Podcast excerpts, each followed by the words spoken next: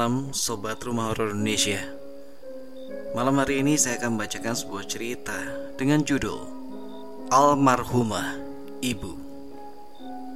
Ketika aku masih bayi merah umur tiga hari Ibuku meninggal dunia karena kondisinya yang lemah sehabis melahirkanku. Aku dan kelima kakakku pun harus merelakan kepergiannya. Aku sendiri kemudian diangkat oleh orang tua asuh yang hingga kini amat menyayangiku Bertahun-tahun aku terpisah dari keluargaku tanpa sepengetahuanku. Misteri ini baru terungkap ketika keluargaku di kampung memberi kabar bahwa nenekku sakit. Ibu dari ayahku sakit keras. Dengan sedikit tidak percaya, akhirnya kunyatakan aku bersedia pulang. Singkat cerita, sesampai di desa kelahiranku, aku disambut hangat oleh keluargaku Mungkin sekian tahun terpisah kini dipertemukan kembali hingga sakit nenekku akhirnya sembuh juga atas kehadiranku. Setelah tiga hari di desa, aku diajak berziarah ke kuburan ibu dan kakekku. Setelah membersihkan sekitar pekuburan, aku membaca surat Yasin. Ketika itulah aku merasakan hal yang sangat aneh Tak kenapa mataku terasa berat dan tidak bisa melihat sama sekali. Rupanya aku jatuh pingsan. Ketika siuman dan kubuka mataku, kulihat betapa indahnya suasana kamar tempatku berada. Banyak sekali benda-benda antik yang berkilauan. Bahkan tempat tidurku sendiri beralaskan permadani bercorak kemasan. Di mana ini? Batinku. Budi, sapa seorang yang entah dari mana telah ada di sampingku.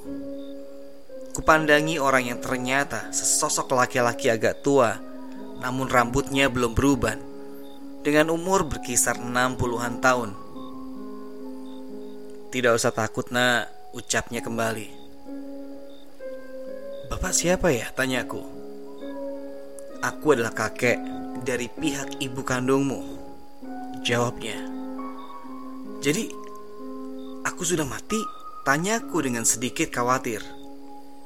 Belum.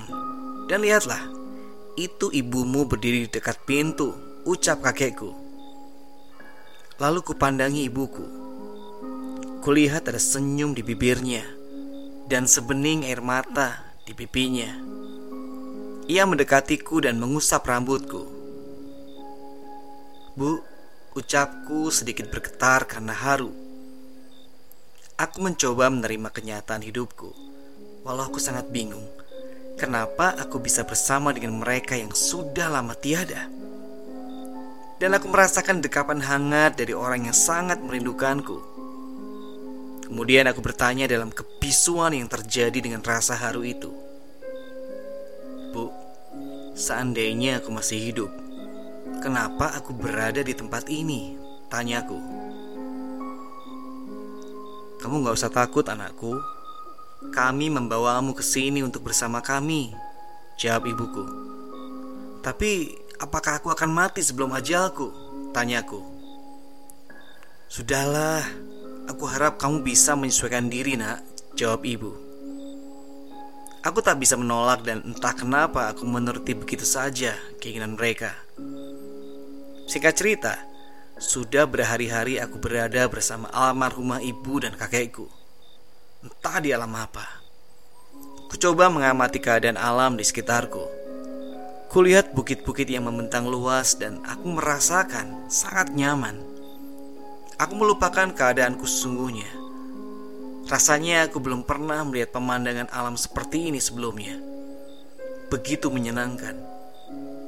Tapi yang membuatku merasa sangat aneh, kenapa setelah berhari-hari berada di tempat ini, aku tak menemukan sosok manusia pun kecuali hanya ibu dan kakek. Hal ini membuatku sangat bingung. Hingga suatu saat, ku teringat kehidupanku di dunia. Tanpa sengaja aku mendengar bisikan bahwa aku harus pulang. Tetapi bisikan itu hilang begitu saja. Aku ingin pulang. Tapi jalan mana yang harus kutempuh untuk bisa pulang batinku?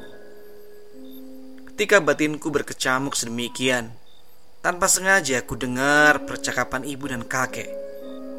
Sepertinya telah terjadi sebuah keributan. Ku dengar kakek menyebut nama ibuku, Ratih. Ratih, kita harus memulangkan budi ke alamnya, karena ini bukan alam untuk dia, tegas kakekku. Ayah, aku tak bisa melepaskan budi karena aku tak ingin anak itu diasuh oleh orang yang bukan dari keluarga kita. Jawab ibuku dengan nada memelas. Sempat kulihat ibu menangis. Aku tidak mengizinkanmu untuk menahan budi, kata kakekku dengan kasar. Tangis ibu semakin pilu, sampai akhirnya kakek memanggilku. Kakek kemudian menarik tanganku, mengajakku pergi. Ibu terus mengejar kami dan memohon agar aku kembali padanya. Akhirnya tibalah kami di tepi sungai dan kakek memaksaku untuk menaiki sebuah perahu. Kakek mendorong perahu itu ke tengah. Aku dan perahu itu dibawa arus yang sangat deras seperti sebuah jeram. Aku berteriak minta pertolongan. Tapi sepertinya tak ada yang mendengar teriakanku. Sebab yang kulihat hanya pohon-pohon besar yang nampak sunyi. Aku semakin panik karena di hadapanku terhadap sebuah air terjun yang sangat tinggi. Akhirnya aku hanya bisa pasrah. Air terjun itu melemparku ke bawah dan kurasakan tubuh kelemas tak bisa berbuat apa-apa. Seketika itu pula mataku terasa berat. Semakin lama pandanganku berubah gelap. Anehnya, ketika siuman dan kubuka kembali mataku, Ternyata aku sudah ada di kamarku.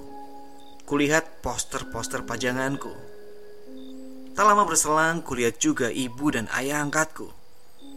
Mereka begitu bahagia melihat keadaanku.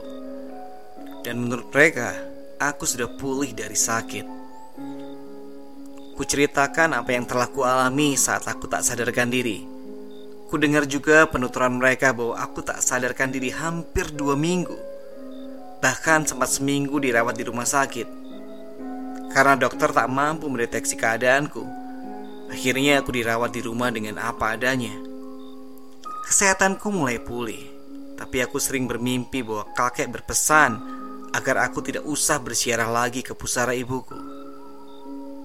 Entah kenapa Aku tak tahu jawabannya Aku hanya bisa berdoa kepada Tuhan agar ibu dan kakekku diberi ketenangan. Aku berharap agar Tuhan selalu memberi jalan yang terbaik buatku. Walaupun aku bingung apa yang terjadi padaku. Oke sobat rumah Indonesia, itu cerita kita untuk malam hari ini. Sampai bertemu di cerita selanjutnya.